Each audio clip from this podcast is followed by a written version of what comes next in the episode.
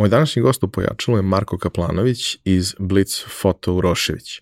Uh, neko će možda pitati otkud uh, vlasnik fotoradnje u pojačalu, ali razlog za to je što zapravo vrlo redko imamo priliku da vidimo prave primere digitalne transformacije.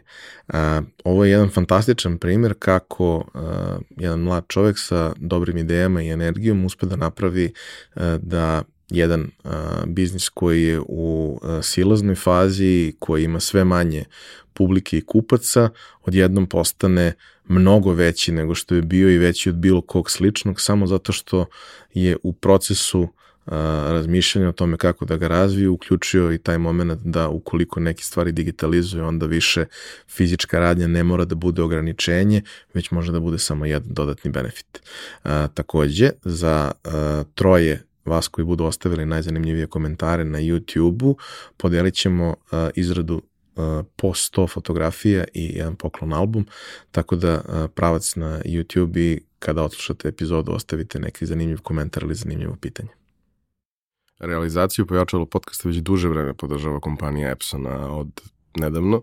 Smo za vas pripremili nešto posebno. Naime, nova fiskalizacija podrazumeva da mnogo veći broj nas mora da se bavi ovim pitanjem i mnogo je nedoumica, mnogo je e, nedovoljno detaljno objašnjenih informacija. Mi smo se potrudili da na jednom mestu, na sajtu novekase.rs, objasnimo baš sve što može da vas zanima i damo odgovore na sva pitanja što se tiče same fiskalizacije, što se tiče toga ko je obveznik, kao i na koji način možete iskoristiti subvencije koje država daje. Takođe, dali smo i neke preporuke uređaja koje možete da koristite, a tu je i webinar gde za nekih 30-40 minuta možete otprilike da dobijete vrlo jasnu sliku o tome šta nova fiskalizacija podrazumeva za sve nas. Takođe, treba reći i to da kompanija Epson, osim POS uređaja koji su ovde u centru pažnje, proizvodi štampače u svim mogućim oblicima, veličinama i namenama, kao i već 20 godina najbolje projektore na svetu, a više o tome možete videti na epson.rs.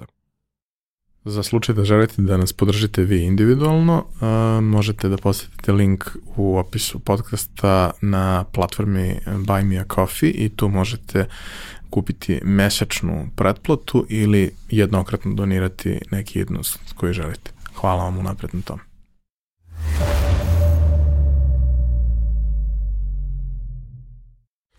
Marko, dobrodošao.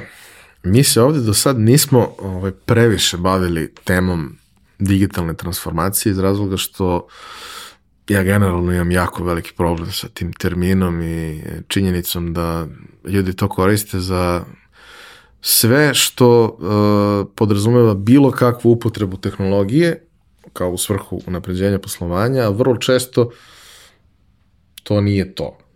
Mislim, vrlo jasno vidiš u procesu celom da to nije to. Sa druge strane, tvoja priča je takva da to baš jeste i digitalna i transformacija jednog tradicionalnog biznisa. Uh, koja je u suštini dala novi život i produžila radni vek i, i, i život tog biznisa, tako da danas ćemo pričati o tome. Uh, ti si uh, vlasnik Blitz Foto Urošević, Urošević uh, studija koji je onako prilično prepoznati u gradu, a prethodnih godina i sve više online. Ko ne zna, uh, to je ona radnja koja se nalazi pored Pelivana na početku uh, Bulevara Revolucije, odnosno Bulevara Kraja Aleksandra. Preko puta Ustavnog suda, da. Ovaj, e sad, uh, mi imamo ovde taj ceo razvojni put i proces kako se dolazi do, do ovoga gde si danas, a ovo gde si danas je priča koja je vezana za poslednjih 10 godina. Uh, ali šta je tome svemu prethodilo, odnosno Mančmelo pitanje i za tebe kao i za sve prethodne goste, šta ste budeš kad porastiš? Pre svega hvala na pozivu, e, čast mi je da budem gost u ovakvom jednom podcastu. E, ja sam želeo da budem profesionalni sportista, profesionalni futbaler. E, igrao sam futbal do neke 17-18. godine, bio sam baš posvećen treninzima, trenirao i po dva puta dnevno. Možda glavna zanimljivost u tom nekom periodu što se tiče samog sporta, je bila to što e, sam naglo izrastao u osmom razredu i tada sam već bio preko 190 i imao sam e, na svim tim nekim testiranjima, na kraćim deonicama, bio sam najbrži i u gimnaziji, u osnovnoj školi i u klubu svom. I to mi je davalo neku dominaciju, neku prednost u, u samoj igri. Ovaj, bio sam napadač, postizao sam mnogo golova i maštao sam da ću biti profesionalni futbaler. Eto, to je ovaj neki deo što se tiče tog ranijeg perioda. Što se tiče same škole, uh, nisam bio neki super fantastičan učenik, ali nisam bio ni loš učenik, ajde da kažemo neka možda sredina. Ovaj, bio sam dosta onako uh, brbljiv na časovima, nestašan, E, voleo sam da komentarišem e, način na koji profesori predaju. I da dodajem neke svoje stvari i zašto to tako kaže, zašto ne kaže ovako, posebno recimo profesorku matematike ili iz biologije profesorku. Ove, I onda mi je to posle smetalo. e, zato što kada naučim recimo za najvišu ocenu ne dobijem peticu nego dobijem četvorku ili trojku zato što sam voleo da zasmejavam svoje drugare iz razreda. Tako da ovaj, taj neki period je uglavnom vezan za ovaj, e, pričanje na časovima, e, druženje i sport. Ovaj, prvi neki dodir sa fotografijom sam imao, pošto je moj otac e, vlasnik fotografske radnje u Kovinu, ja sam iz Kovina, E, prvi neki dodir sa, sa time kako izgleda fotografska radnja sam imao dok sam bio u gimnaziji, jer svaki taj neki letnji raspust sam imao dogovor da odradim po 10-15 dana u, u radnji našoj i da zaradim za džeparac za more.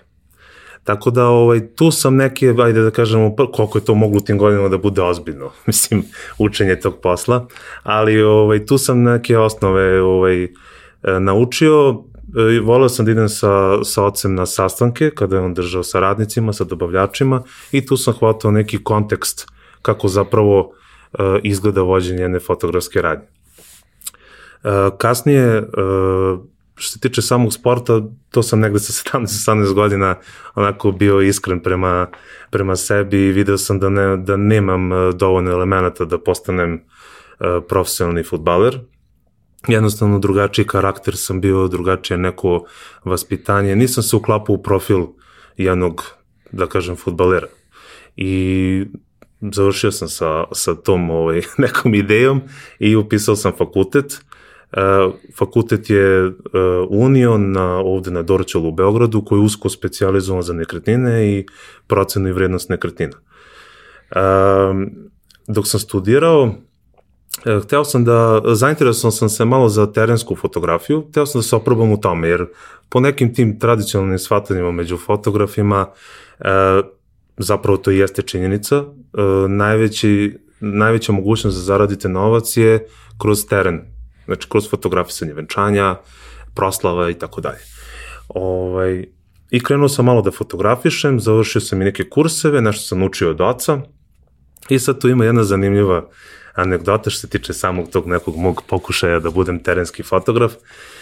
Jedna firma uh, iz Kovina je poslala ponudu, uh, trebao je neko da profesionalno fotografiše proizvode, oni rade uh, ograde za autoputeve, proizvode tako neke od čelika raznorazne i ovaj, otišli smo glavni fotograf iz naše radnje i ja kao neki početnik, asistent sa aparatom sećam se, mislim da je bio Nikon D80, a ovaj čovjek pored mene imao para 10 puta bolji i mnogo više znanja. I otišli smo, proveli smo tamo jedno dva i po sata, znači bile su potrebne fotografije za njihov internacionalni katalog, za te proizvode. I ja sam fotografisao onako kako sam ja mislio da treba. Ovaj čovjek je fotografisao za, za novac i da bude uspešno urađen posao. I kad smo završili sve to, Uh, otac je pogledao moje fotografije i fotografije od našeg glavnog fotografa i rekao je kao ajde da pošaljemo menadžeru firme koja nas je angažovala oba foldera, a da ne imenujemo ko je radio šta o, i da vidimo šta će da izaberu. I javio nam se menadžer i rekao je biramo folder B. Taj folder B, to su moje fotografije bile. Tako da su moje fotografije, fotografije završile u tom uh, internacionalnom katalogu sa tim proizvodima i to je bio moment kada sam video da imam uh, talenta i smisla za uh, fotografisanje, za terensku fotografiju.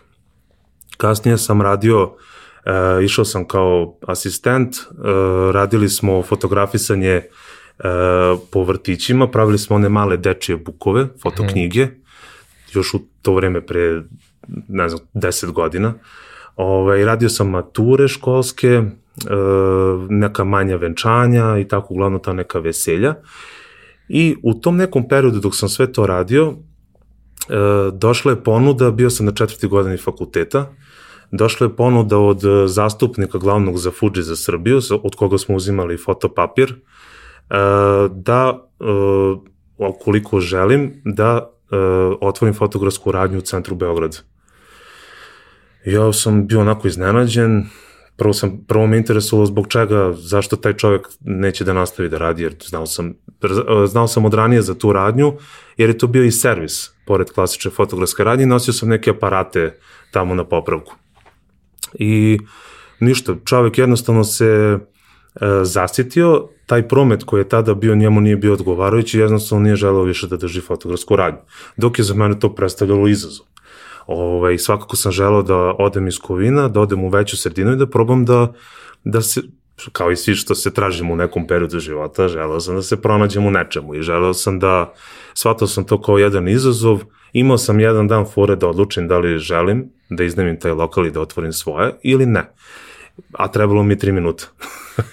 ovaj, e sad, tu ima jedna zanimljiva priča, kada sam ja otišao da vidim, ovaj, da se dogovorim sa tim čovekom, da vidim kada će da izađe iz lokala i da se dogovorim oko uslova, e sad da bude slušalcima jasno, ovaj, ja nisam uh, nasledio tu radnju. Čovek je izašao, ja sam otvorio svoju fotografsku radnju, znači mašina, oprema, svoj naziv, firma se zove Fotoblitz. Kasnije smo dodali Urošević zbog te neke tradicije, zato što su ljudi navikli, bila 50 godina pre mene Urošević. Ovaj, sad ulazim u taj lokal, očekujući tu neki vrhunski nivo i sve to, kao što je i zapravo je i bila prethodnih 50 godina.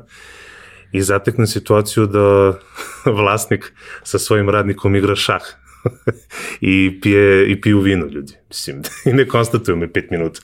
I ja stojim onako pun entuzijazma i gledam, reku, šta je ovo? ovo ne bi trebalo ovako da izgleda. Mislim, radnje u bulevaru kraja Aleksandra, ovaj, bez obzira što je fotografska radnja, što je to stari zanat, moralo bi da ima više dinamike.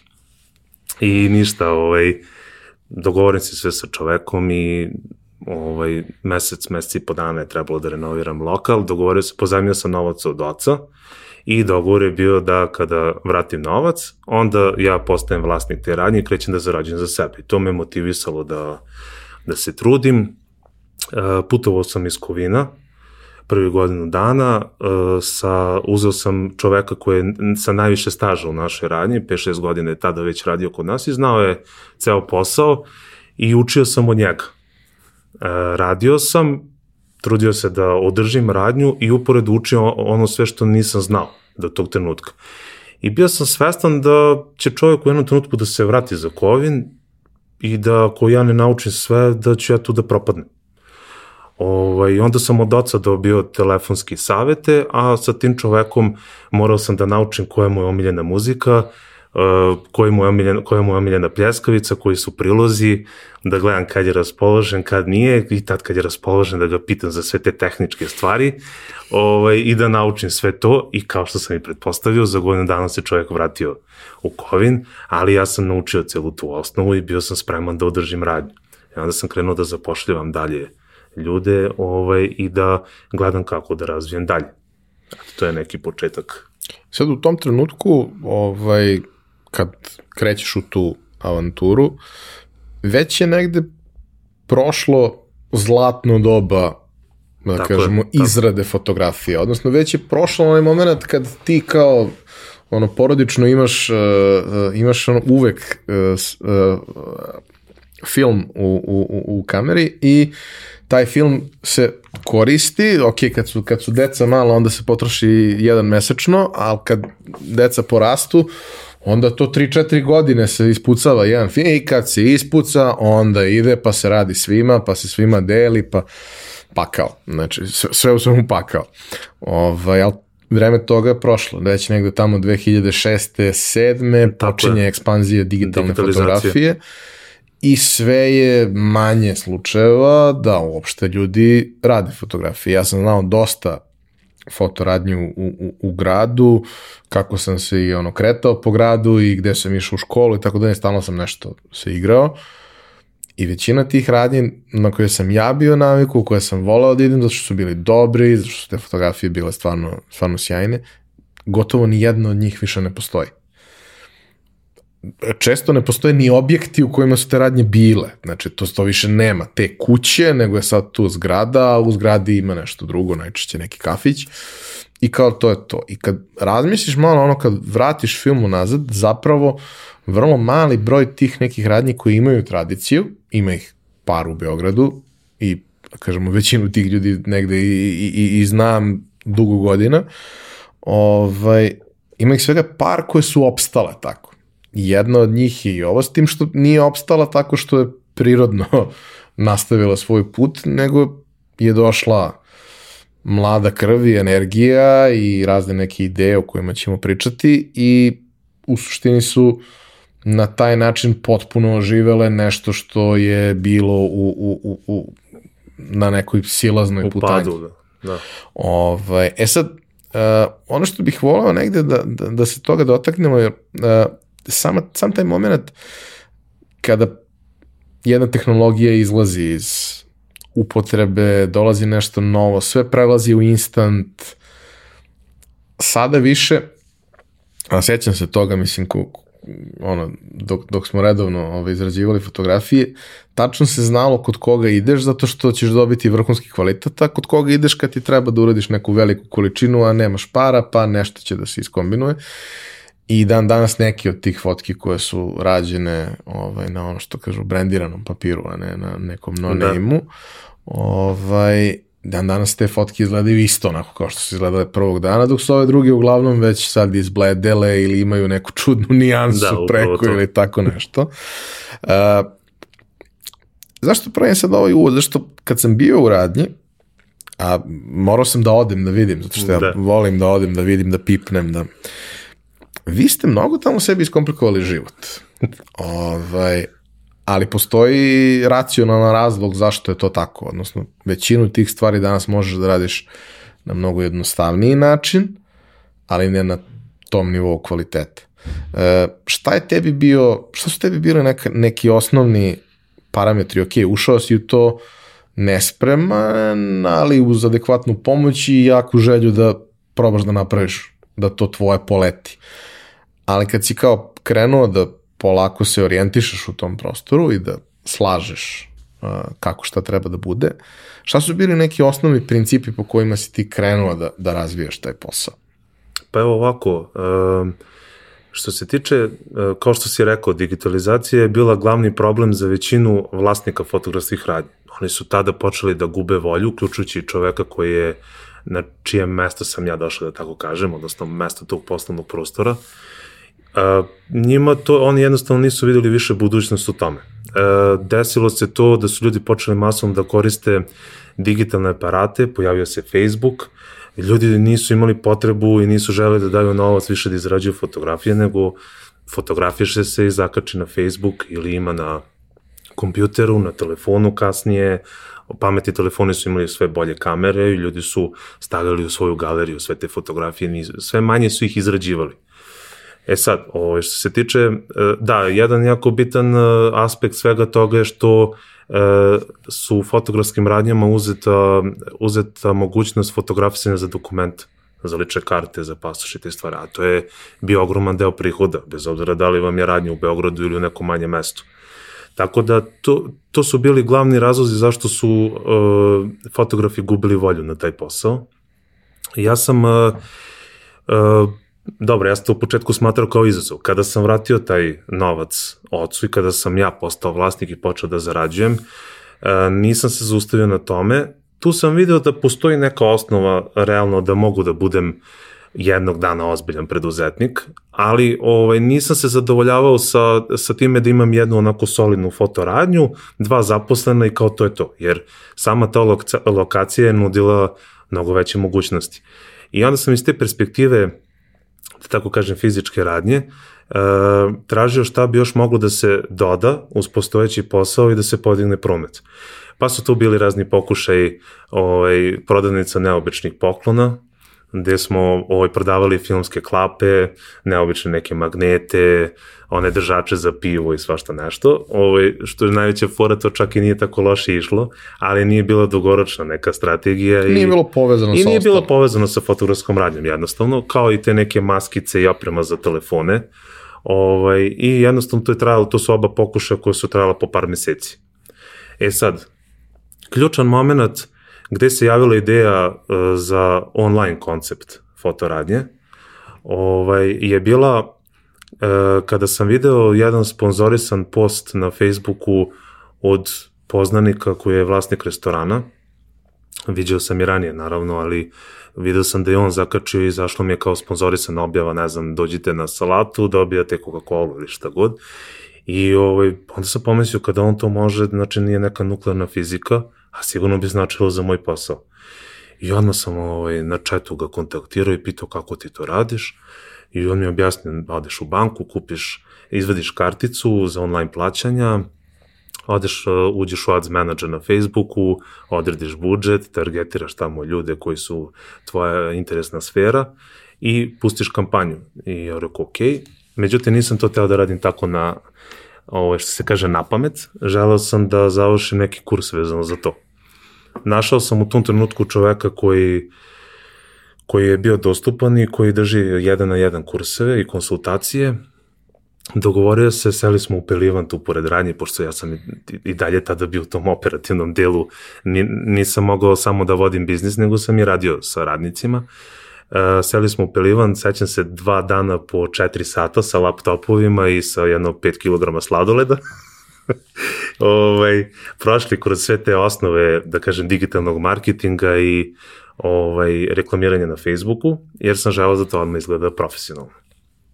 Po, mi smo napravili, sećam se, lepe vizuale, neke nagradne igre, ubacili neki sadržaj i to je prošlo par dana. Sledeće nedelje ja uzmem i postavim ponudu, tada još nisam imao ni sajt.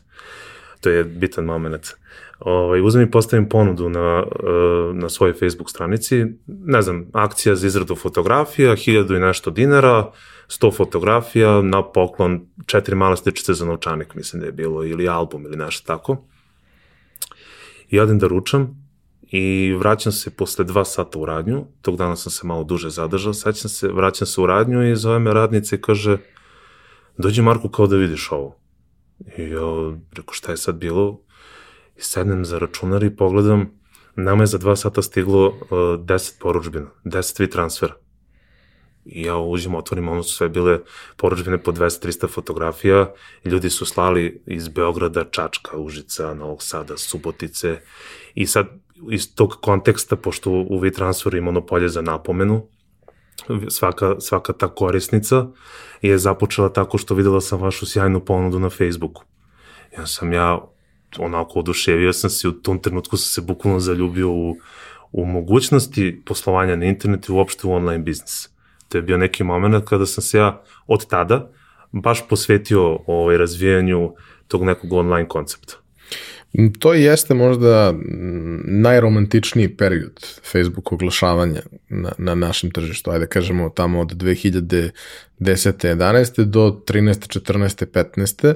si stvarno mogao da napraviš svašta. Sada takođe možeš, ali je dosta teže, skuplje, kompleksnije, da. veća konkurencija i tako dalje. Ali to je stvarno bio trenutak kada si sa vrlo malim ulaganjem mogao da napraviš dovoljno lep rezultat da kroz neko vreme sebi omogućiš da finansiraš neke tako druge je, da. stvari.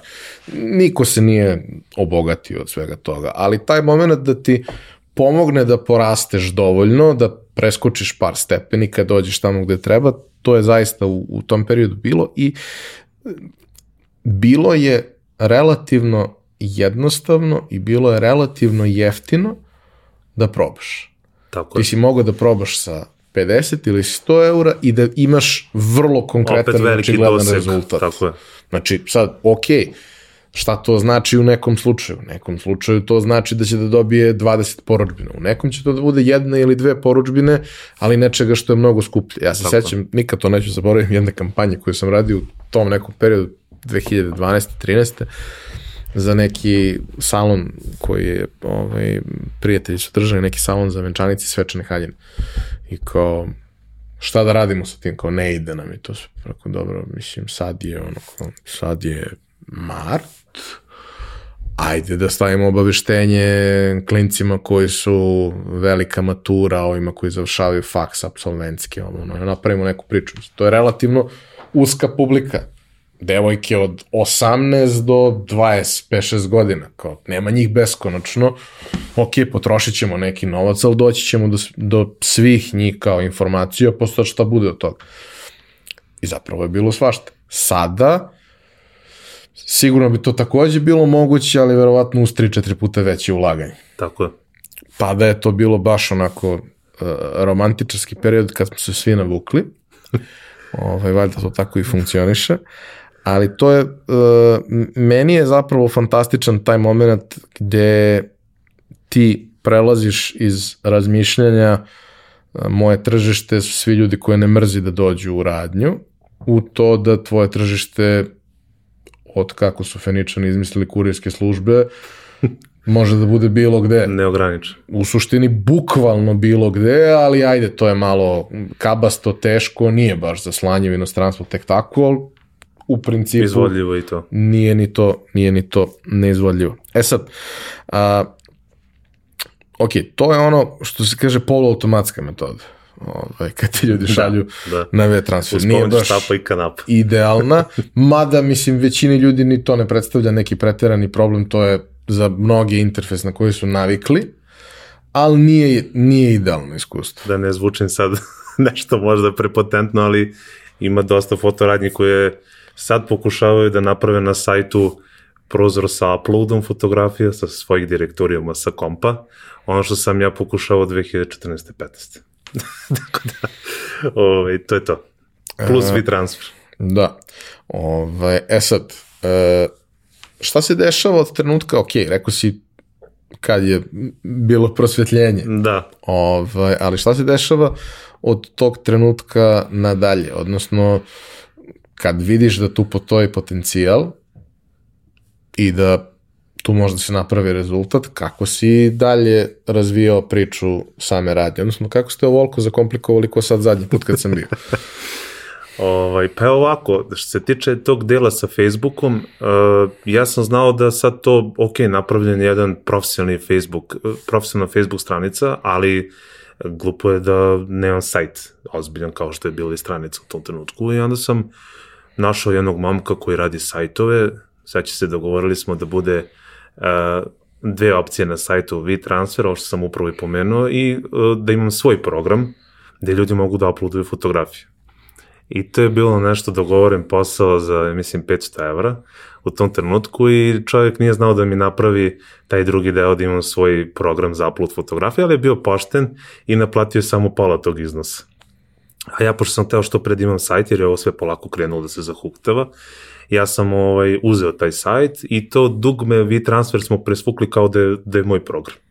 Ovaj, da bi omogućio korisnicima da mogu da pošalju fotografije, onda sam napravio tutorial za YouTube, ovaj, da ljudima bude još jednostavnije za ove koji se ne snalaze.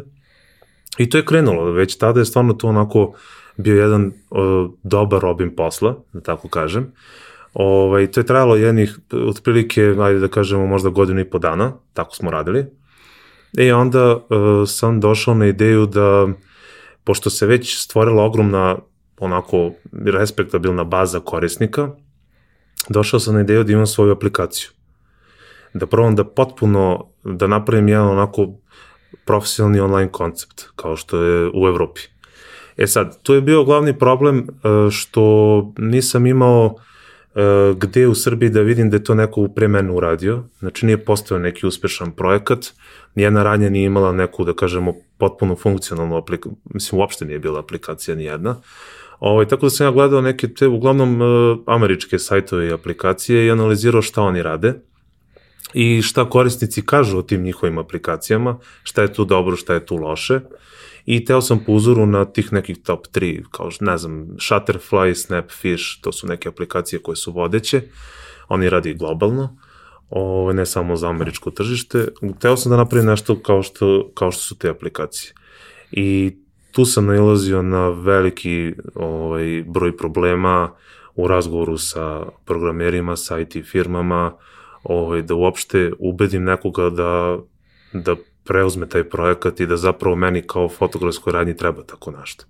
Sad, pretpostavljam da želiš u tom smeru da ide e, priča. E, taj moment gde kao e, ljudi dovode u pitanje da li tebi nešto treba ili ne treba mi je generalno ovako dosta poznat i ne mogu baš da razumem ovaj, kolege koji kada neko dođe, objasni zašto mu je nešto potrebno, to dovode u pitanje. Tvoj posao to napraviš i to je to. I da Tako ga napraviš po nekoj specifikaciji koju ste dogovorili.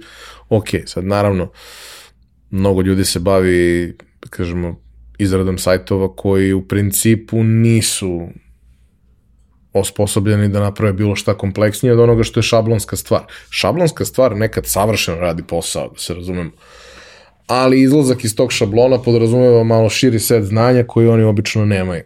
I to je to. I većina izbegavaju da ulaze u te stvari koje su kompleksne. Znaš, na prvu loptu, ono, na, najbazičniji problem koji meni pada na pamet je super, treba da uploadaš ogromne fotografije.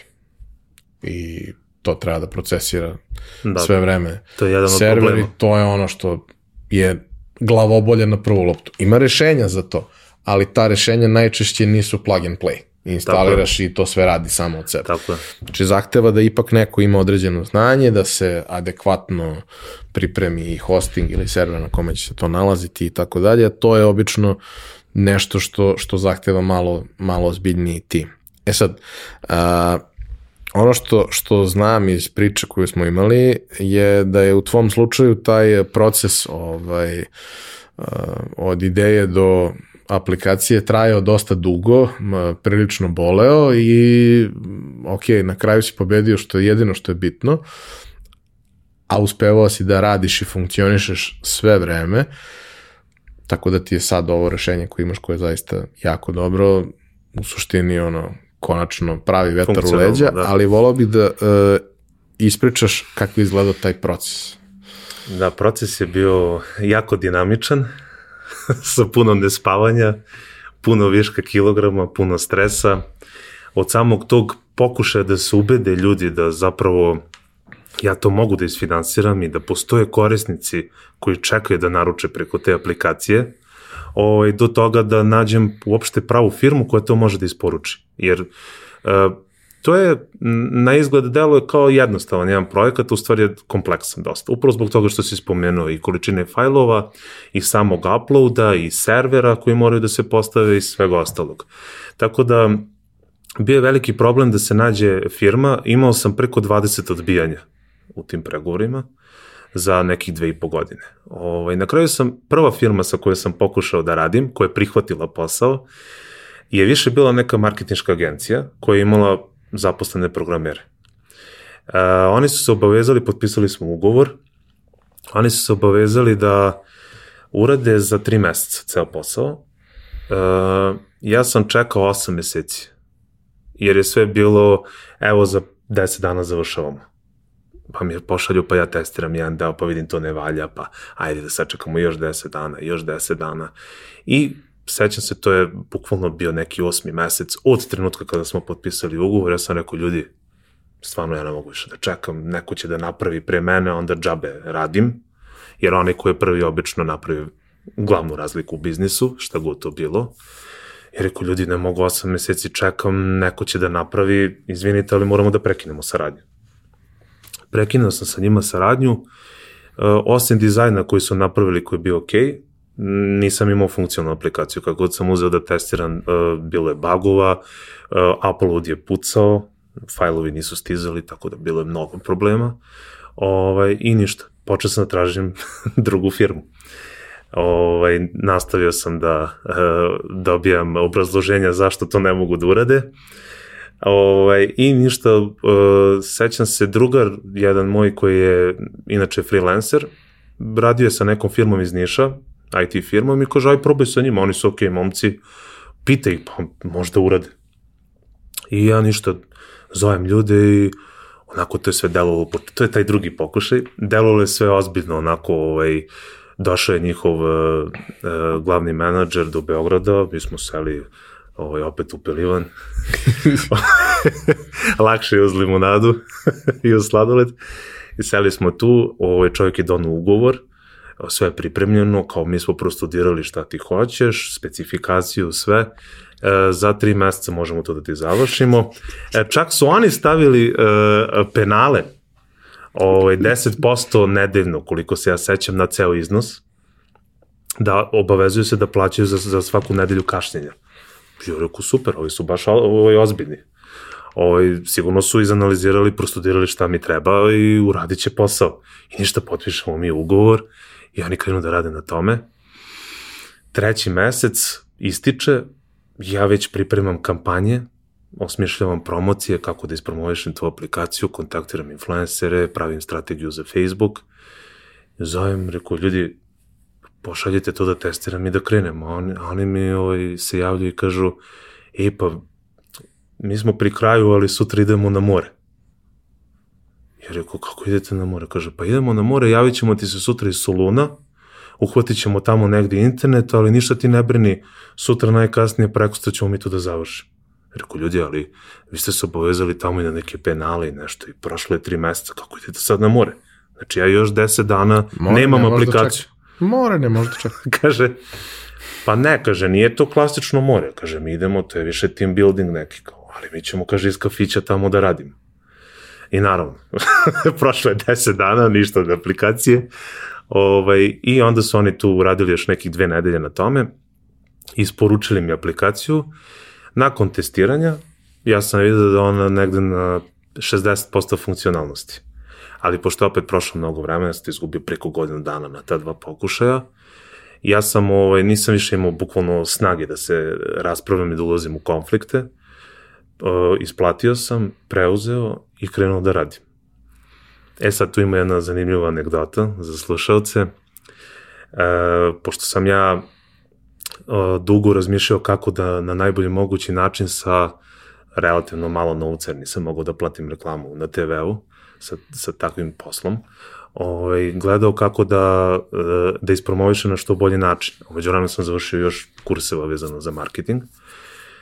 Uradio sam analizu ko su zapravo korisnici koji naručuju fotografije. Ko su ti ljudi?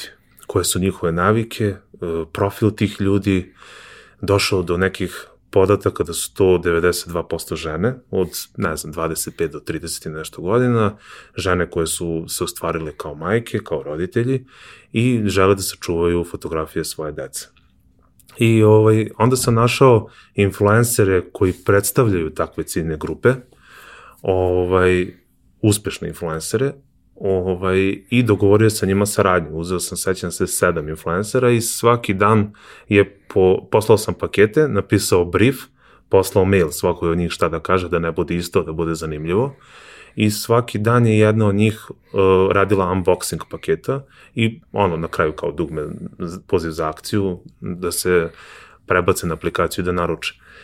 I tu sam doživeo da za manje od 10 dana dobijem 500 poručbina.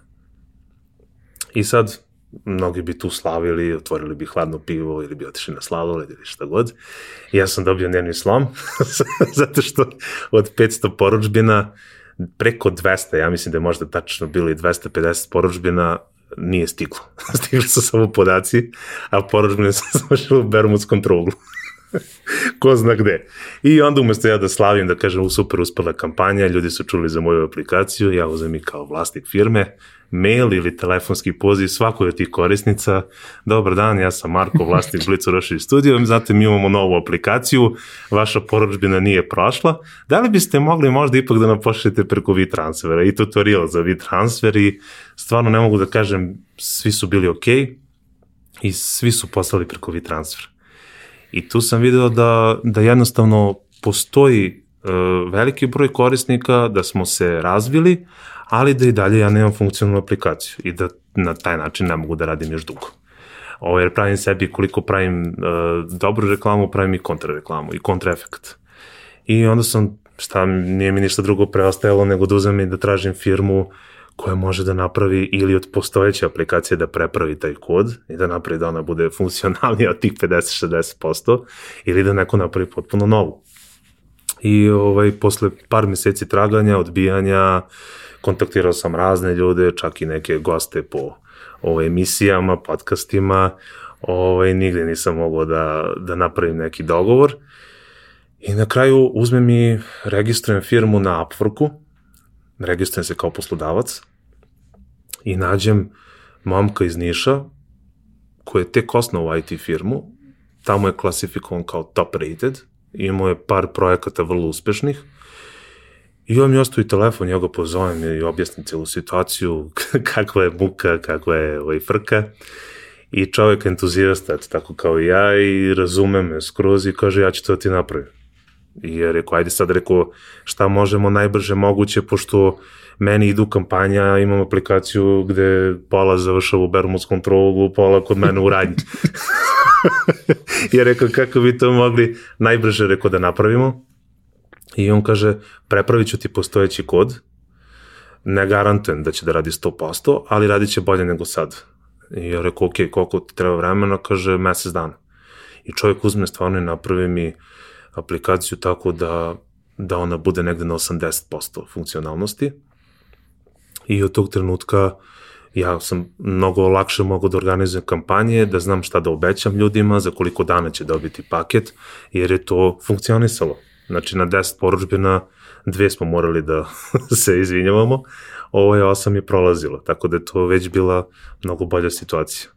Kad kažeš da rešenje koje si imao je imalo možda 60, 50-60% Otprilike, da. funkcionalnosti, na šta konkretno misliš?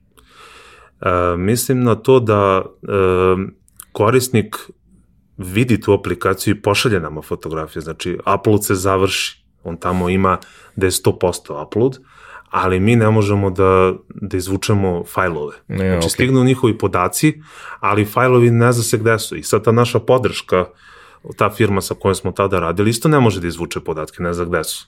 Sad, da li je do njihovog neznanja ili do pogrešnog, pogrešno ispisanog koda aplikacije, ne znam, ja se ne razumem u to. Samo znam da sam morao ljudima da se izvinjavam i da ih šaljem na, na transfer. Tako da, ovaj, tragao sam zbog, upravo zbog toga za, za nekim rešenjem da, da jednostavno znam gde su fajlovi. Čak i ako ne stignu, kao sa tom firmom, uh, oni su mogli da izvuku fajlove. Da ne mora, čo, da ne mora korisnik ponovo da šalje nego izvuku pa nam pošalju backup i onda mi uradimo ljudima fotografije, stignu u prirodnim fajlovima koje je 6 MB fotografija, tako da mi stigne, nema, nema smanjenja kvaliteta i to mi je bilo važno da ne moram da se izvinjavam i nisam nikad želeo da isporučujem fotografije sa smanjenim kvalitetom. Tako da, to je bilo ključno oko, oko svega toga. E sad, ono što je možda slušalcima zanimljiv podatak, da bi shvatili koliko je to stvarno onako na kraju... A nećemo to još. Aha, da. To ćemo, to ćemo dobro, dobro. Okay. uskoro, jer mislim, jeste da ih držimo glavni razlog, mislim, zašto mi pričamo o svemu ovome, prvo zato što je transformacija jednog vrlo old school tradicionalnog biznisa, a drugo zato što je skala na kojoj je to uspelo za moje pojmove neverovatno velika i ono stvarno ozbiljan respekt za to, ali o, o, o tome, o brojkama ćemo kasnije. Mm -hmm. uh, ono što, što bih hteo da, da uh, objasniš je, uh, ok, dakle, ti si digitalizovao jedan deo priče, to je taj deo koji se odnosi na distribuciju, ali ne na distribuciju ka kupcu, nego od kupca ka tebi. Znači da može sa bilo koje tačke da ti pošalje, ti to dobiješ. E sad, to je i dalje e, fizički proizvod, nešto što moraš da proizvedeš, proizvedeš oštampaš, spakuješ, daš kuriru i isporučiš na neku lokaciju gde god. Ljudi su obično nestrpljivi, što je, mislim, negde i, i, i prirodno. I onda uh, postoji niz nekih stvari koje si ti tu radio, koje su meni onako vrlo, vrlo uh, dopadljive i simpatične, kako da prvo učiniš da, da uh, ljudima bude predvidljivo da znaju kada šta mogu da očekuju. Uh, druga stvar, kako da stimulišeš uh, i, ok, digitalna radnja lepo radi, ali to je fizička. To možeš da imaš na bilo koje tački da, grada, glupo da. je da u neposrednom centru Tako što je. kaže, možeš kamen da baciš do skupštine, da. ne moraš, ne moraš, nije, nije više to vreme, ali ovaj, možeš, Blizu ili do pošte, ili da. tako da. negde, ovaj, i prosto je greota da taj objekat bude samo nekakva proizvodnja u koju ljudi ne dolaze. Šta si sve tu radio da i jednu i drugu stvar guraš u, u, u paraleli? Pošto je online koncept u jednom trenutku i prevazišao fizičku radnju, uh, ja sam gledao kako da upravo to što si napomenuo, da ne, ne prevaziđu u toj meri da bukvalno da sama fizička radnja nema više poentu. Nisam teo to da dozvolim. Prva možda najbitnija stvar koju sam uradio kada sam vidio da da je online otišao na neki nivo, iskreno ni ja nisam očekivao da će otići toliko, ovaj, što se kaže visoko, napravio sam da sastanak sa radnicima i dogovorili smo da prioritet budu ljudi koji uđu u radnju. Da oni ne čekaju da ako je 100 fotografija poručbina za 10 minuta, ceo proces, da oni moraju da dobiju za 10 minuta. A kada ostane vremena da se radi online. Tako da ljudi koji su dolazi u radnju su imali prioritet, trudili smo se da bez obzira sa koje tačke dolaze, a Beograd je veliki grad, da ne mora da dolaze dva puta. Znači, dolazili su, seli su kod nas, sačekali su, trudili smo se da uvek bude neka prijatna atmosfera, bez obzira koliko ima posla. Ovaj, čekali su tu maksimum po 10-15 minuta i to im se dopadalo, oni nisu morali dva puta da se vraćaju. E, iz tog razloga sam ubacio dve mašine, za proizvodnju, jedna mašina koja je namenjena samo ljudima koji dođu u radnju, kako bi odmah dobili poručbinu, a druga veća logično, logično veća mašina sa većim kapacitetom je bila za online. Online se radi, pošto je struktura lokala tako da ima prijemni deo i galeriju, na galeriji se radi online deo, da ne bismo pravili zabudne sa ljudima koji uđu u radnju, a ljudi koji su dolazili u radnju imali su, imaju i sad posebne pogodnosti, posebne poklone i imaju prioritet u čekanju. Znači, odnosno, oni trudimo se da ne čekaju uopšte. I na taj način sam malo ipak izbalansirao taj odnos da, da se održi ta fizička radnja. Naravno, mi smo uz aplikaciju uh, sada ovu uh, najnoviju napravili uh, mogućnost da ljudi mogu da čekiraju na završnom koraku lično preuzimanje poručbine i da dobiju neki poklon ili popust.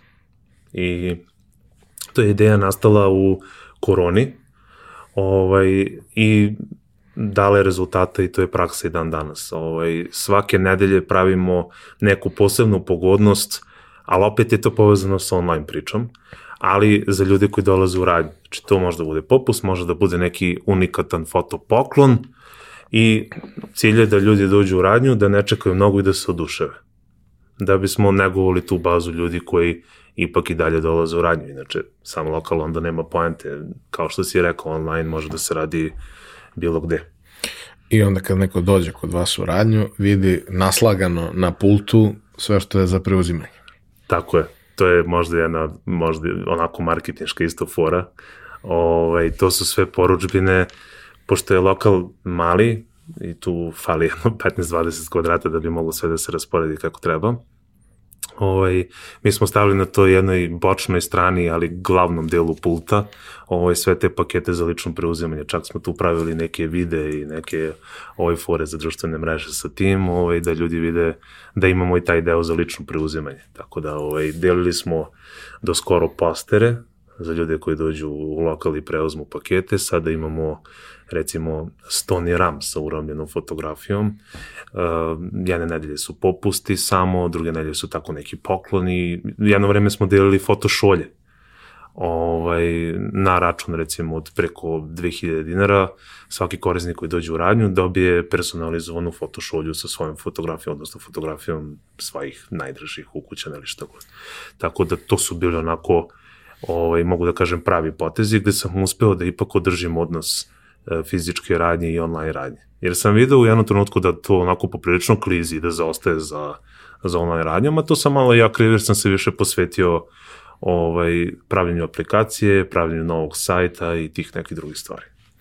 Uh, hajde sad da damo ljudima čisto okvir. Znači, ono što si pomenuo je da si u prvih nedelju dana, kada si testirao sve, imao 500 poručbina, što zvuči onako prilično impresivno, ali to zapravo um, nije ništa u odnosu na ono šta se dešavalo u prethodnih dve godine. Da.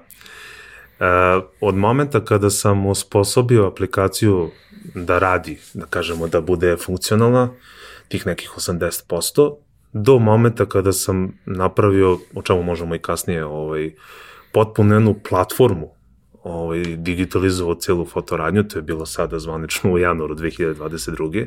Znači, nekih za manje od dve godine, 2020. do kraja 2021. godine, a, mi smo primili a, više miliona fotografija preko aplikacije. Znači, ne računajući vi transfer, ne računajući mailove, ne računajući ljude koji dođu u radnju izrade fotografije sa raznih medija, ovaj, mi smo primili više miliona fotografija sa ne 100% funkcionalne aplikacije. E sad slušalcima može da bude zanimljivije, skoro pa svaki korisnik Srbije ima jednu fotografiju iz naše radnje. Pa neka računaju. uh, ono što je isto tu interesantno je da zapravo, kao što si pomenuo i u onom probnom uh, slučaju, u onoj probnoj kampanji, ovaj, i u onom eksperimentu sa Facebookom, da su to zapravo, ok, ljudi iz Beograda svakako najveći je i sve što uz to ide, ali ne samo iz Beograda, zapravo da ti imaš poručbine iz cele Srbije. Da. I da vrlo često sad imaš i slučajeve da ljudi koji dolaze u Srbiju odrade šta Tako treba je. u dolasku. Tako je, imamo uh, posle Beograda procentualno najveći broj ljudi koji naručuju iz Novog Sada, zatim Niš, Kragujevac, Čačak, a što se tiče inostranstva, imam nekoliko korisnika iz Slovenije, imam dosta korisnika iz Crne Gore i dosta korisnika iz Bosne, odnosno Republike Srpske. Ovaj, to su sve ljudi koji dolaze u Beograd nekim poslom i dođu da preuzmu kod nas fotografije. Zato što su oduševljeni uh, kompletnom ponudom koju imam ovaj, i načinom slanja.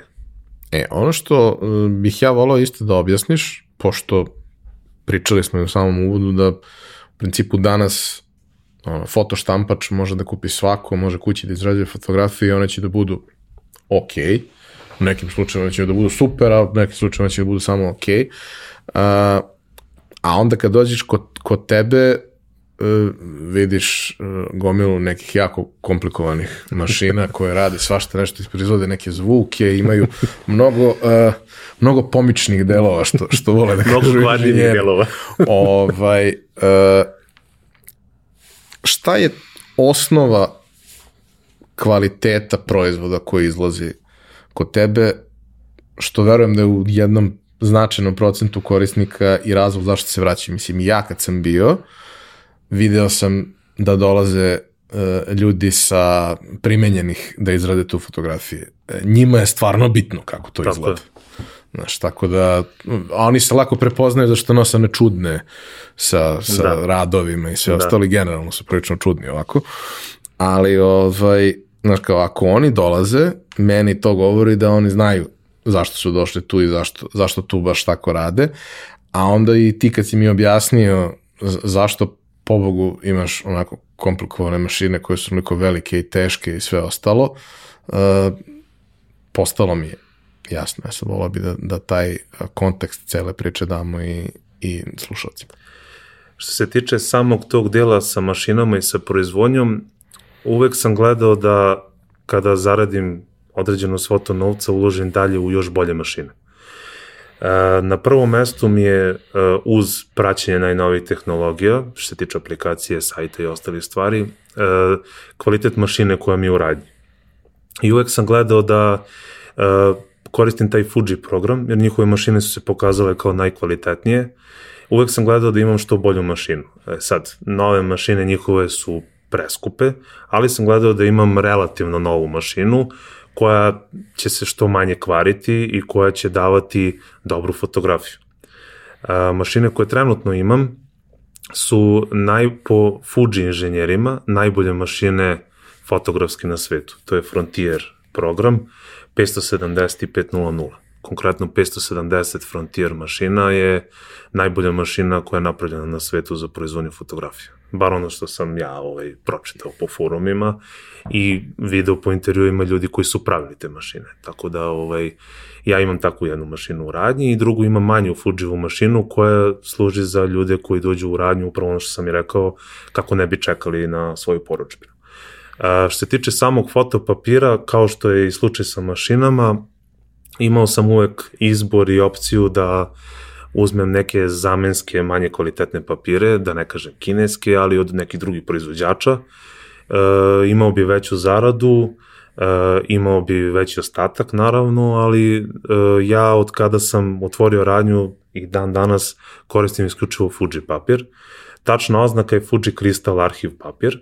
Ovaj, to je jedan od najcenjenijih papira i ovaj, za ljude koje si spomenuo koji su malo onako stručniji oko fotografije, a i za ljude koji su amateri, ljudi koji izrađuju fotografije sa putovanja i porodične fotografije, uh, dajem isti papir, isti kvalitet. I u svojim uh, reklamama i videima uh, dajem garanciju 100 godina na, na, na taj kvalitet bez da ovaj, imam neki ovaj, problem da to kažem. Ovaj, znači, fotografije koje mi proizvedemo na našim mašinama, sa papirom koji ja imam i sa hemijom, koja, koja je drugi najvažniji produkt kod nas, naše fotografije mogu da traju 100 godina. Što nisam siguran da druge radnje mogu da, da kažu. A koliko je to teško danas isporučiti? Uh, pa sve teže i teže pogotovo sada sa ovom situacijom ovaj, u kojoj živimo, sa raznim poskupljenjima, sa svim tim stvarima. Sada imamo i neke baš najave da će Fuji kompanija da poveća cenu papira. E, taj drugi glavni produkt hemija isto će biti neka povećanja cena i ovaj, morat će opet da se prave neke drugačije ponude. Ne razmišljam uopšte o, i dalje o, o tome da uzimam neki drugi papir, ali možda ću morati da napravim neke, ovaj, da izdalim i da napravim neke možda malo drugačije ponude. Jer mi, osim tog kvalitetnog papira, poznati smo i u Beogradu, a i generalno u celoj Srbiji po tome što dajemo veliki broj poklona, fotopoklona svakom korisniku. Tu smo onako autentični. Mislim, jedna od stvari koje, koje verujem da su oduševile svako ko je dobio ovaj, fotografije koje je naručio ili ih je preuzeo u radnji je to kako je sve spakovano. Da, upravo to. Pa daj malo više informacije o tome. Evo, ako to mogu da napravim paralelu možda sa periodom korone. E, tada je bila onako situacija, kao i za sve nas, poprilično, poprilično mučna. I ovaj, već, ja sam tada već imao tu aplikaciju koja je bila prepravljena i funkcionalna, međutim bila je situacija onako ili da se prepustim strahu i da raspustim zaposlene ili da vidim šta može tu da se uradi u tom nekom periodu. I tada sam uh, doneo odluku da radim više nego ikad ranije i da uložem više nego ikad ranije. Svoje vreme i novac. Uh, došao sam na ideju da moram da imam neka dobra pakovanja. Uh, jer danas, svet u kojem živimo, mislim da su ljudima možda određenom broju ljudi su i važnija pakovanja nego sam proizvod, a u najmanju ruku mislim da su jednako važna pakovanja i proizvod ako hoćete da budete potpuno profesionalni u svom poslu. Tako da sam... Posebno ako je u pitanju poklon. Tako je. E, šta sam uradio? Otešao sam na Pinterest, proveo nekoliko sati, par dana po 2-3 sata, tragao za zanimljivim kutijama. Našao sam jednu ženu, mislim da iz Engleske, koja pravi kao te handmade kutije u obliku fotoaparata. To mi se dopalo. E, pomislio sam da bi možda ja mogu da imam takve kutije za svoje korisnike našao sam dizajnera, Uh, uzeo sam iz, uh, od komšija mojih iz Pelivana kutiju za kolače, izmerio, pošto oni imaju različite te vrste kutija, izmerio da vidim, uh, pošto moje akcije su koncipirane na 100 fotografija, ali ja sam gledao da može da stane 200 kutiju, izmerio, poslao čoveku na mail razmere kutije i poslao kutiju sa Pinteresta i rekao možeš ti ovo meni da napraviš, želim da imam za, za svoje korisnike. Uh, on je čovjek rekao može, za 5 dana sam dobio prvo rešenje. Posle smo to rešenje malo doterali i o, našao sam kvalitetnu štampariju. E, namerno sam teo, uzeo sam onaj skuplji 340 gramski karton i čovjek mi isporučio taj prvi tiraž, mislim da je bio 3000 kutija, ili 4000 e, kutija. Ovaj, dobio sam te kutije i krenuli smo ljudima da pakujemo fotografiju te kutije i krenulo je oduševljavanje. Bukvalno. E sad, pored tih kutija, ovaj, poznati smo po tome što e, ceo taj jedan naš paket se sastoji od e, pored fotografija, fotografije pakujemo u one mašnice, vezujemo ovaj, u suštini, e, dajemo četiri male fotografije za novčanik, e, ukrasnu kutiju, album za svih 100 fotografija ili ako naruče 200 za 200 fotografija, za 500 5 albuma i dajemo još neki taj kao glavni poklon, sada je to Stony Ram sa uramljenom fotografijom. I to ljudi kad dobiju, imamo situacije da neke žene plaču od sreće i snimaju i to onako i nama po prvi dan i, i gura nas dalje. Ovo, imamo i anegdotu sa ovaj, e, porodiljama, sa trudnicama, ženama u Narodnog fronta, šaljemo i tamo fotografije svake nedelje i ceo sprat vrišti i onda kuriri i ovi portiri znaju da su stigle fotografije od nas. Tako da to su neke neverovatne stvari, stvari koje prave razliku i po čemu smo mi autentični zapravo, po tim paketima, po aplikaciji, po tome što se zalažemo za kvalitet, to su neke glavne stvari. A kako izgleda ovaj, pošto već imaš toliko komplikovane mašine i proizvodni proces koji, mislim, kad uzmeš i gledaš onako kao inženjer, to sa strane malo te boli glava, malo ti igra oko. Ovaj, kako izgleda kad se mašina pokvari? E, mašina kad se pokvari, to je, to je jako, jedan jako težak proces gde, gde ja u, u recimo tim godinama kada sam pokušavao da napravim aplikaciju, ja nisam imao samo usmerenu koncentraciju i energiju na taj deo, nego sam morao da, da sa serviserima sedim i da vidim šta se dešava, zašto je stala proizvodnja. Ovaj, imao sam situaciju, to je jedna od naj, to je jedan od najvećih stresova ovaj, sa kojim sam se susreo, da za novu godinu imam da isporučim preko 100 kalendara dečih, znači za 100 ljudi koji treba da dođu u radnju u tih 3-4 dana i meni se pokvare obe mašine u ta 3 dana. I ne postoji mogućnost ni na jednoj da uradim deči kalendar. I tu su bile izvinjavanja, zovem jedno, pošto nema mnogo servisera više u tom našem poslu, nažalost, jer je industrija u padu, i nije A ima lakših stvari za servisiranje, pa ima, iskreno. ima lakše stvari, tako je. I to je bio jedan ogroman stres da jednostavno ja nisam mogu ljudima da isporučim te kalendare. Posle nove godine je došao serviser, sredio mašinu, neki ljudi su prihvatili, neki ljudi nisu i to je onako jedan od glavnih problema u mom, u mom poslu sa, kojima, sa kojim se susrećem i dan danas. Ovo, jer te mašine se kvare, pogotovo sa ovim obimom proizvodnje koju ja imam. Tako da ima još jedna zanimljiva stvar recimo za mašine, mislim zanimljiva, meni onako tužna, ali slušalcima možda zanimljiva.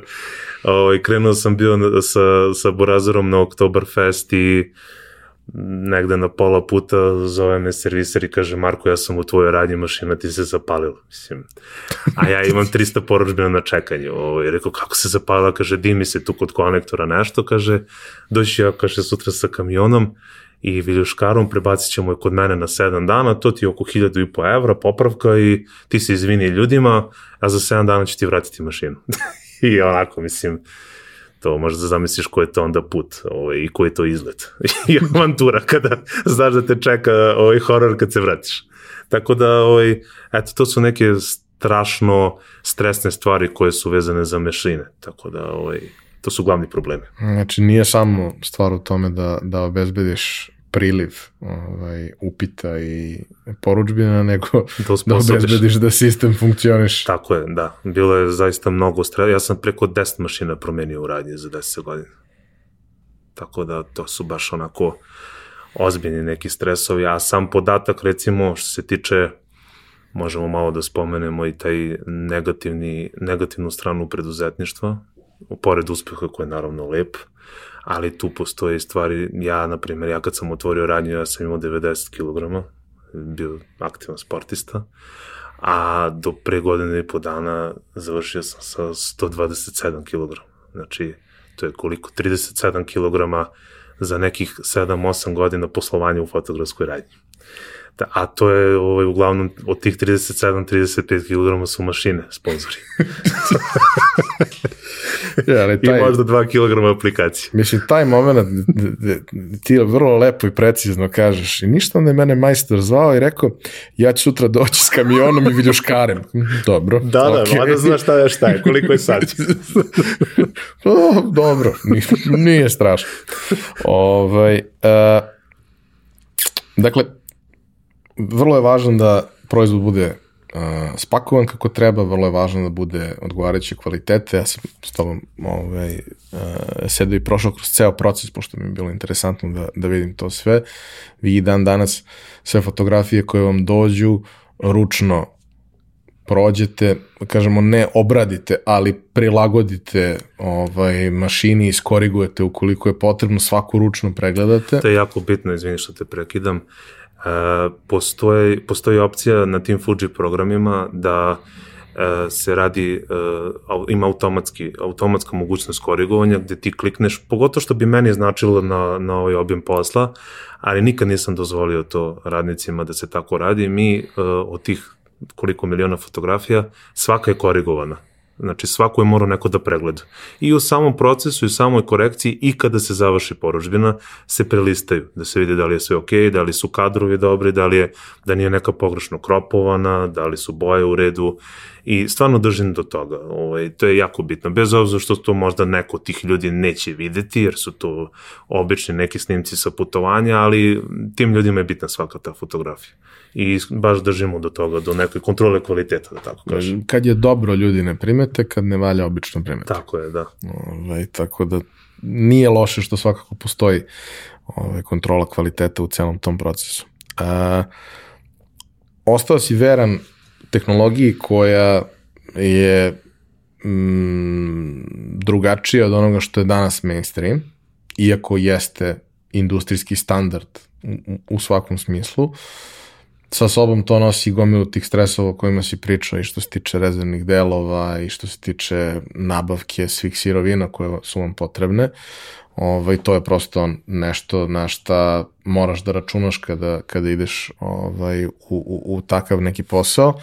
Ali ono što si uspeo da uradiš je da jedan deo, uh, jedan deo problema apsorbuješ količinom. Što je jako velika, jako velika stvar. Da prosto ne moraš da insistiraš na prevelikom profitu po fotografiji, jer ih ima sasvim dovoljno da kad se akumulira na kraju meseca to, to bude zadovoljavajuće. To je izazov sa kojim se, verujem, mnogi sreću. To je izazov i sa jedne strane proizvesti količinu, proizvesti je, dobro spakovati, poslati na prave adrese, ispratiti sve to kako treba, jer prosto ima ga previše. Tako je. Uh, ja kad sam bio, vas je bilo troje ili četvoro u radnji i ovaj, onako dosta je to napakovano.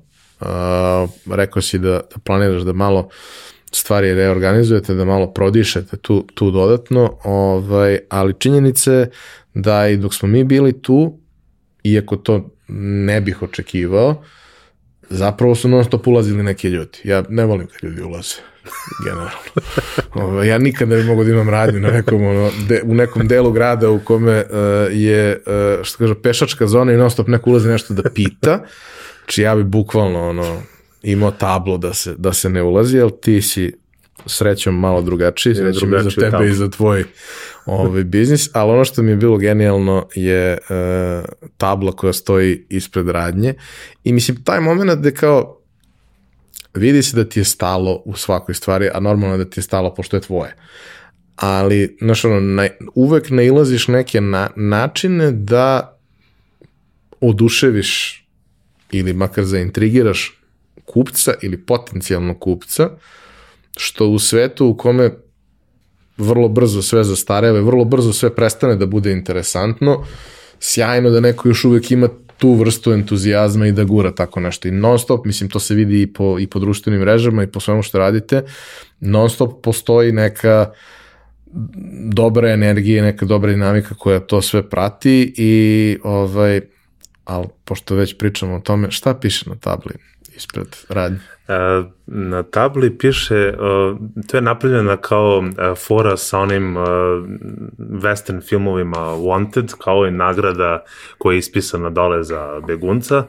Ja sam skinuo tu foru ovaj, i napravio u Canvi u programu, ovaj, traže se pa silueta zločinca, begunca i dole ovaj, svi koji još nisu izradili svoje fotografije i cena. ponude u stvari koje imamo dole, onako subtilno napisano sitnim slajem. I to je postalo viralno. Ovaj, mi smo to, ja sam to snimio i stavio sam na naše ovaj, društvene mreže. Ima preko 40-50 hiljada pregleda ovaj, taj snimak, a e, dnevno zastane, pa ja ne znam, bar 20-30 ljudi, ovaj, što ja vidim dok sam u, u firmi, ovaj, da to fotografiše i da podeli kod sebe. Ovaj, tako da, e, pored toga što je zanimljiva fora, e, uspeo sam da malo o, podignem i taj procenat ulazaka ljudi u radnju, pa makar i da pitaju nešto, koliko su fotografije, e, na čemu mogu da donesem, da li na flashu, na kartici, na, sa telefona, tako da svakako to je pun pogodak onako. Kad se uđe kod tebe, ovaj, osim tih stvari koje su fotoproizvodi, a to su um, kanvasi različitih dimenzija, to su kalendari, to su šolje, to su jastučići, puzle, to je svašta nešto, puzle. Šolje, da. Ovaj, uh, ono što, što možemo da vidimo je uh, za razliku od tog nekog perioda eksperimentisanja kad si probao sa svim i svačim, sada tu stvarno ima gomila nekih pratećih proizvoda koji su ljudima koji ono, izrađuju fotografije potrebni, ramovi razni za, za, za slike, razne vrste albuma, razne vrste te neke prateće galanterije koje ide uz, uz fotografije. Uh, I baš kad smo pričali, ono, čini se da si posvetio dodatnu pažnju svemu tome i da sada tu vidiš opet jedan prostor za nadgradnju. Prvo u tim fotoproizvodima koji nisu osnovno fotografije, a onda i u tom pratećem nekom programu koji, koji ide uz to sve. A, to je pretpostavljam vezano za, za trenutak kada si krenuo da razvijaš novu aplikaciju, odnosno platformu mhm, koju, mhm. koju danas imaš. E, daj mi malo više informacije o tome, odnosno svima nam. Evo ovako, ovaj, što se tiče uh, te odluke da napravim jednu potpuno funkcionalnu aplikaciju, uh, kada sam to krenuo da radim, uh, onda sam razmislio, rekao, pa što ne bi ja sad uzeo odmah i redizajnirao svoj logo stari, i što ne bi napravio jednu platformu gde će ljudi imati sve vrste usluga, usluga kao što imaju u fizičkoj fotoradnji. I onda smo krenuli sa tom idejom da se uh, od loga koji je napravljen nov, sajta, da se napravi potpuno jedna platforma gde će ljudi imati sve te upravo što ti kažeš ostale proizvode, znači da neće biti samo izrada fotografija, nego sve to što imamo u radnji da bude predstavljeno na jedan zanimljiv način i sa lakoćem naručivanja i preko, preko te platforme. O, na toj platformi sad osim izrade fotografija imamo e, kanvase, sve najpopularnije vrste kanvasa sa ramom, bez rama i tako dalje. Imamo fotošolje, puzle, majice gde korisniku omogućeno da stavi natpis, jednostrane, dvostrane majice i tako dalje. I trudili smo se da sve to sakupimo na jednom mestu, da ljudi koji su iz koji su van Beograda, da osim izrade fotografije ima mogućnost sve to da urade isto kao i kad bi došli u radnju. To je bila neka ideja. I sad stvarno onako sa sigurnošću i sa, nakon i analiza detaljnih, sa velikim ponosom mogu da kažem da je ta platforma najfunkcionalnija i najbolja u Srbiji u regionu. Jer sam video šta rade ljudi u Sloveniji, u Hrvatskoj, u Crnoj Gori, da nigde nema ništa zapravo ni slično kao što je to. Jer to prevazilazi okvire jedne aplikacije, gde vi imate više nekih proizvoda. Ono što je bitno Ja sam tebi napomenuo i kad smo ovaj, bili tamo u radnji, e, sada sam formirao i e, prvu online prodavnicu albuma, gde e, na toj platformi to će biti bukvalno jedan zaseban shop za sebe, gde će korisnik imati mogućnost da naruči uz fotografije i pravi onaj kvalitetan kožni album kao što su nekad bili. jer sam vidio da postoji potreba za tim korisnici pitaju, ne želi svako taj album koji mi dajemo na poklon, neko hoće album za 400 fotografija, za 200 fotografija, hoće da to bude kožno, sa nekim prozorom, sa raznim nekim detaljima na njemu i spreman je da plati za to više novca. Tako da to je još jedna inovacija, ovaj, još, jedan, još jedna usluga ili trgovina, da tako kažemo, prodaja albuma, ali na jedan inovativan način. Jer sam primetio da to kod nas na tržištu, da toga nema i želeo sam svim tim korisnicima koji imaju naviku svakog meseca da izrađuju fotografije, a žele kvalitetan album, da mogu kod nas da kupe.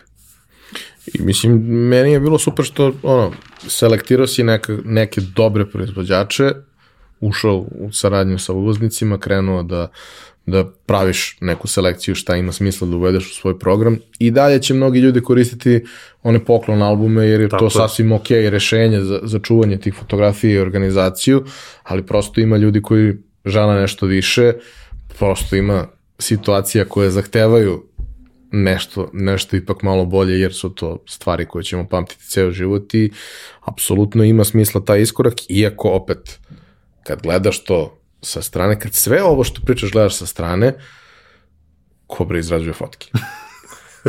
Očigledno da ih postoji sasvim dovoljno. Mm, postoji, da. ovaj, da. I, znaš, kad, kad uđeš u tu priču i kad vidiš to i kad skapiraš ko su ljudi, kad vidiš u svom okruženju ko da to dobro reaguje, setiš se da bi možda i ti ipak mogu da izradiš nešto, jer to što postoji u digitalnom formatu negde, principu ne može da se stavi na, na radni Tako sto, je. ne može da se stavi na ovaj, kamin ili bilo šta gde, gde već neko čuva neku važnu uspomenu i nisu sve fotografije koje su nam važne u životu nastale u digitalnom formatu, neke ipak sežu, sežu dosta u, unazad.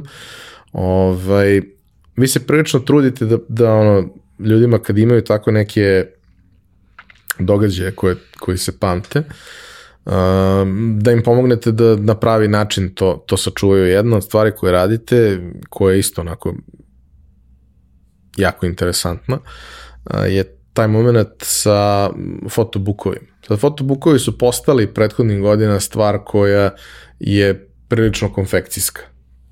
Ali to nije bilo tako, mislim. Da, radi se na pogrešan način.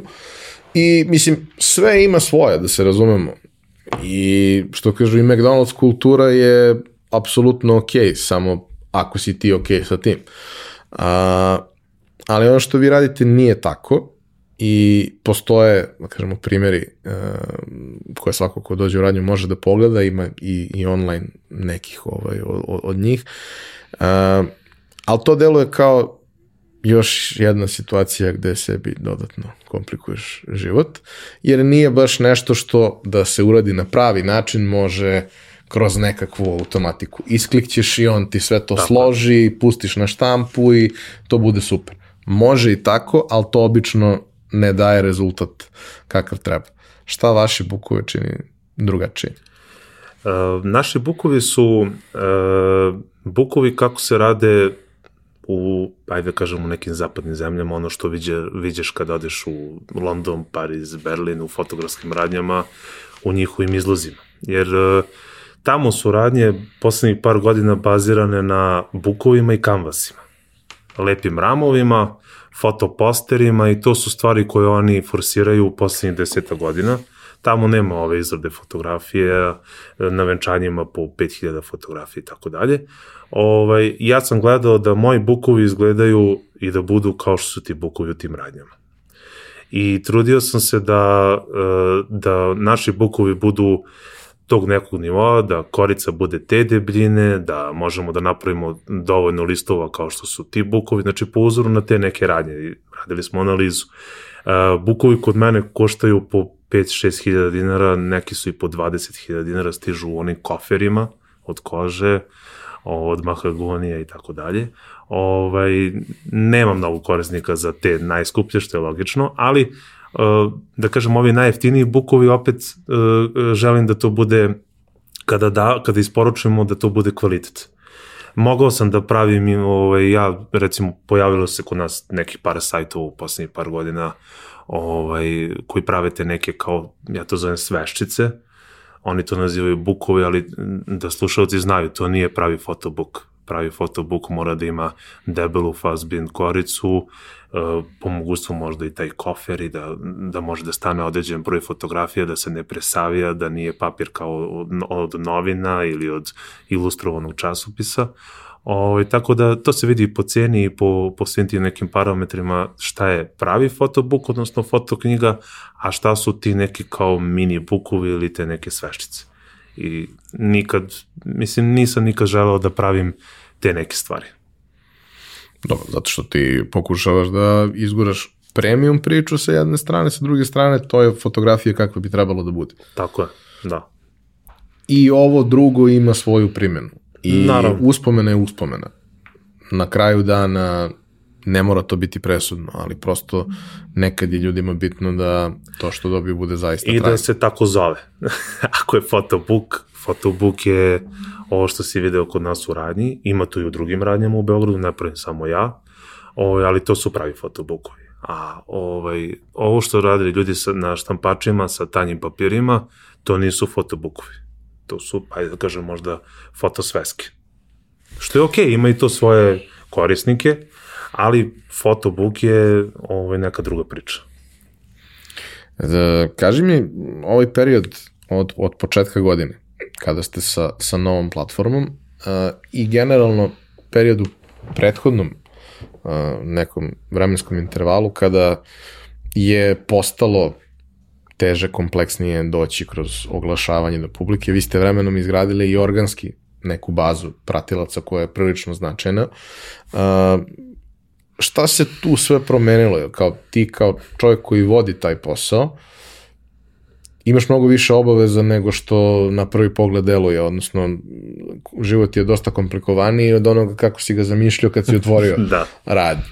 Ove, šta sve, šta se sve tu dešava i šta su neki savjeti koje bi dao ljudima koji razmišljaju kako da neki možda sličan biznis ili možda ne sličan biznis, ali biznis okrenut ka nekoj sličnoj publici ovaj, samostalno marketiraju, jer to je ono što, na čemu ovde negde insistiramo.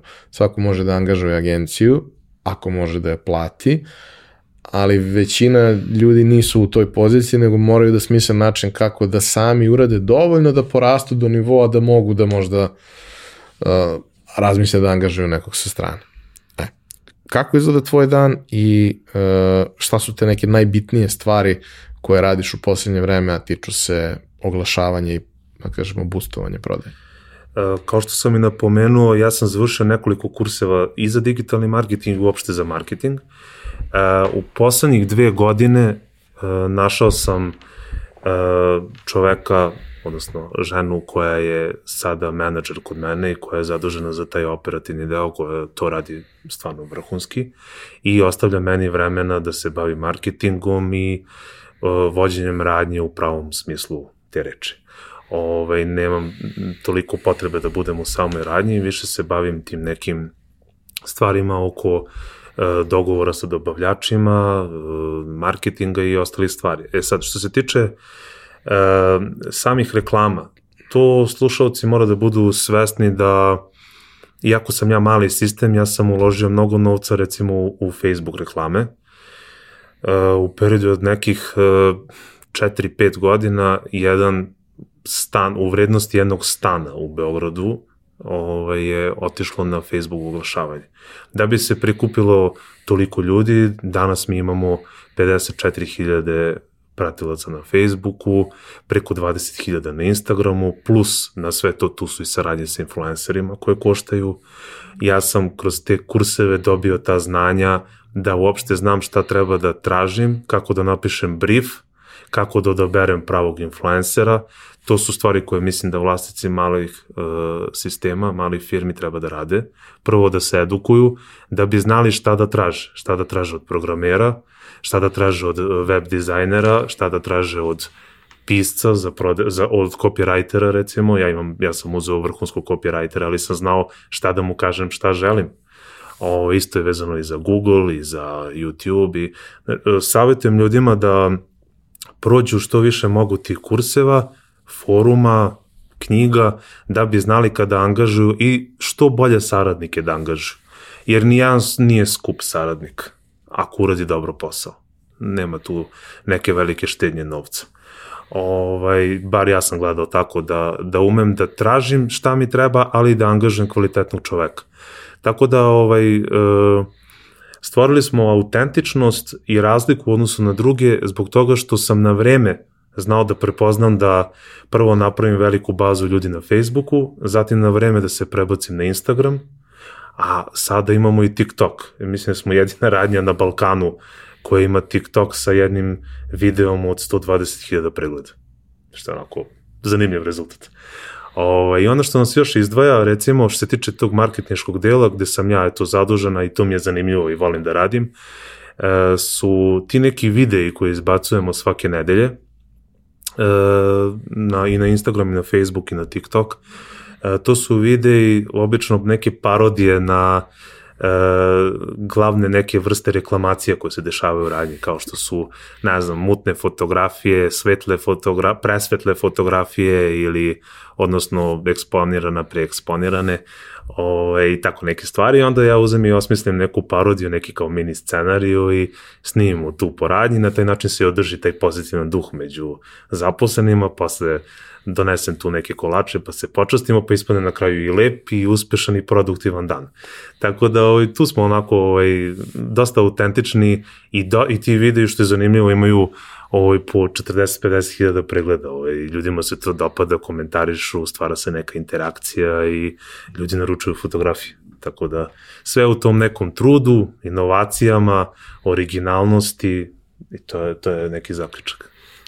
Mislim da je jako bitan taj moment da je ono, pratiš šta drugi rade i pustiš da te inspiriše da probaš da uradiš nešto svoje na tu temu. Ne treba da izmisliš ništa, treba samo da nađeš način kako da Tako. adekvatno ideju koju imaš prilagodiš kontekstu koji, Upravo to. koji je potrebno. Ovaj, šta je da radiš nadalje? Šta ti je, napravio si nešto što je sjajno, ta radnja hrani značajan broj Petoro ljudi da. i uh, ti ljudi su srećni, zadovoljni, uh, efikasni, onako malo izgledaju kao hobotnice ovaj, sa po nekoliko ruku i tako dalje, ali uh, to je sve, da kažemo, negde jedna lepa mala priča, uh, koja nije baš više ni toliko mala, ali kad pogledaš gabarite, jeste ovaj, i, dalje, i dalje skromna.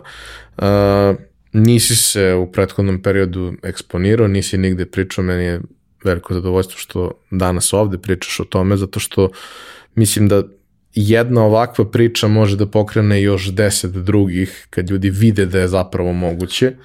Ovaj, I kad dobiju ne recept kako to da urade, ali dobiju nečiji put na tacni i onda znaju da iako je teško, znaju moguće, šta je sve potrebno, a da je na kraju moguće napraviti taj, taj iskorak i, i, i pobediti u toj priči. Ali m, deset godina u, u radnji pretpostavljam da si se malo zasitio. Ja sam ovaj, kao i svaki preduzetnik kada radi 10 godina isti posao, a preduzetnici su poznati ljudi po tome što e, žive za izazovi i osjećaju se živim kada rade na nečemu i kada to nešto realizuju. To je taj moment i onda ih to drži dva dana da kažu ajmo šta ćemo sledeće. A što sad? da, to je svako ko je pravi preduzetnik i sluša zna o čemu pričam. Tako da ja nisam uh, fotograf po prirodi, uh, sebe doživljavam kao preduzetnika i čoveka koji voli izazove. Tako da ajde da sad prvo što se tiče fotografske radnje, dalji koraci neki su e, da se izađe na region, da probamo malo da e, dogovorimo te neke saradnje, da probamo da isporučujemo ljudima e, iz okolnih zemalja fotografije i naše fotoproizvode, jer ova platforma je potpuno funkcionalna i može sve to da se izvede. Ovaj, glavni problem su tu te mašine i cela ta logistika. Ovaj, to, je, to je jedan od narednih koraka.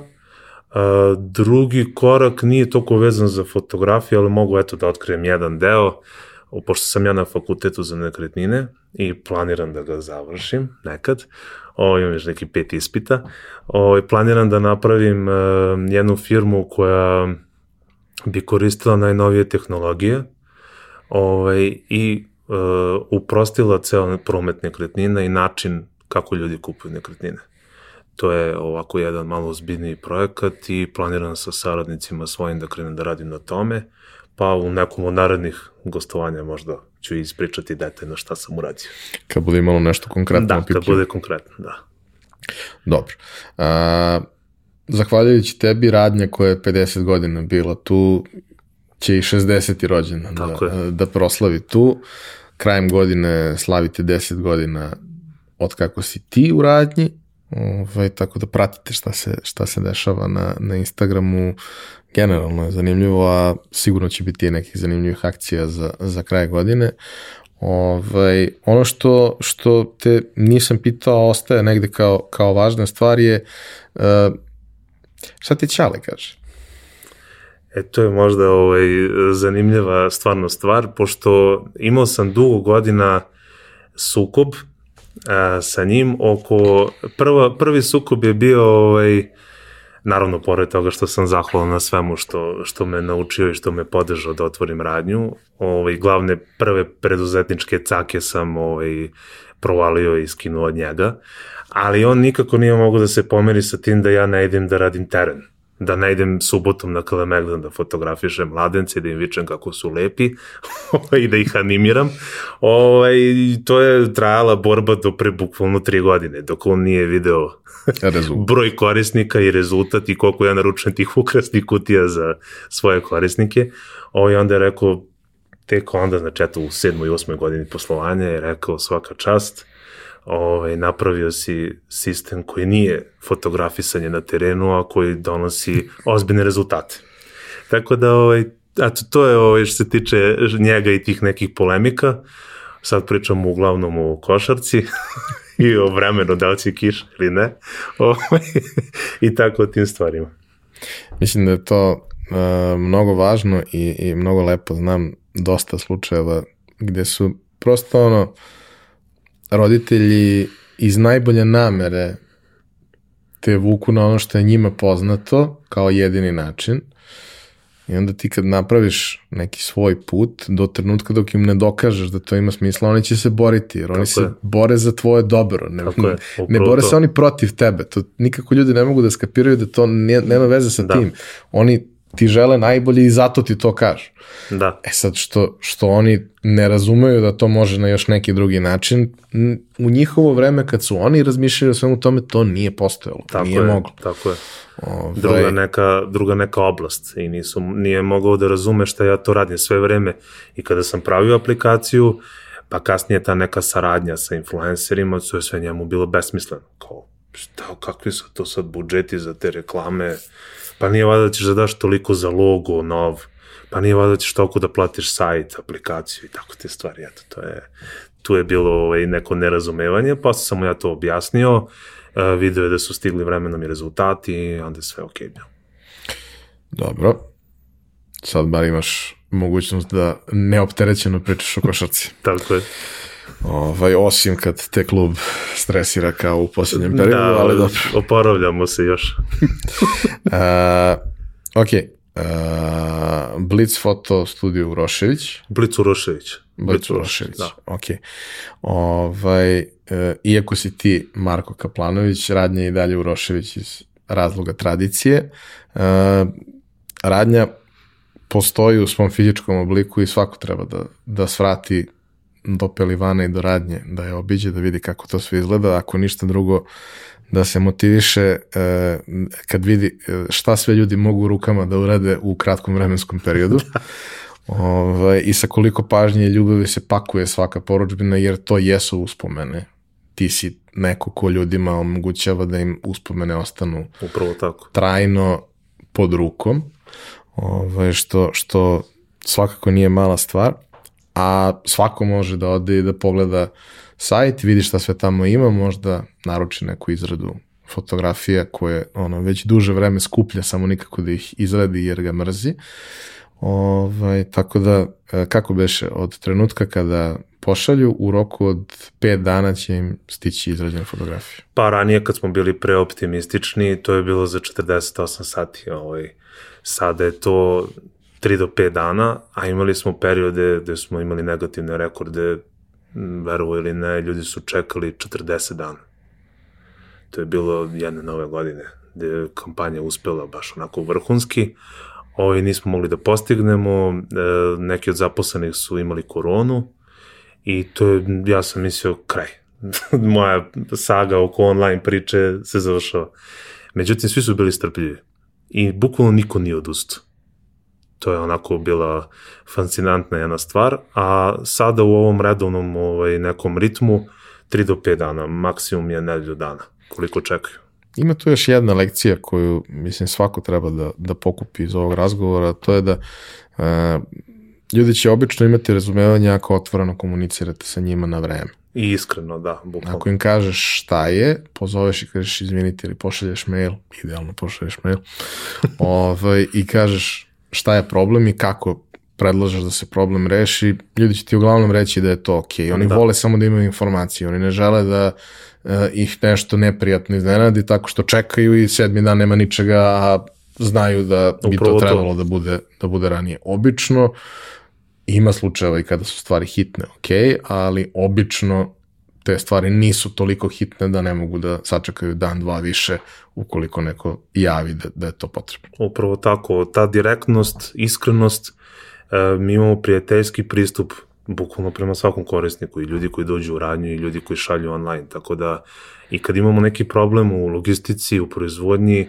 objasnimo šta je problem, naravno ne sad do detalja pokvarila mi se mašina i to, ali objasnimo da ne možemo da uradimo, izvinimo se i ljudi uglavnom imaju razumevanje, zato što provale da ne foliramo, ne izmišljamo stvari, nego kažemo zapravo kako jeste, zato što upravo zbog toga što nam je stalo do njih. I stvarno redko kad imam ni uopšte neku reklamaciju i da se neko naljutio zato što se kasni, a bilo je kašnjenja. Ovo, tako da mislim da to je jedini ispravan pristup bez obzira na vrstu biznisa. Da ljudi treba da budu otvoreni, iskreni i da e, krajnji korisnik oseti da, da, da ti je stalo do njega. Da ne želiš samo novac da zaradiš, nego da ti je stalo da mu isporučiš kvalitet i da se on vrati. To je point. Marko, hvala ti što si podelio ovu priču. Nadam se da će pokrenuti još nekog da transformiše neki tradicionalni biznis u nešto što će živeti još koju generaciju. Um, hvala vama što ste nas slušali i gledali, kao i do sad sva pitanja, komentare, sugestije podelite na za to predviđenim mestima na društvenim mrežama i u komentarima na, na YouTube-u. Ja vam se zahvaljujem na pažnji, pozdravljam vas i vidimo se ponovo sledeće nedelje.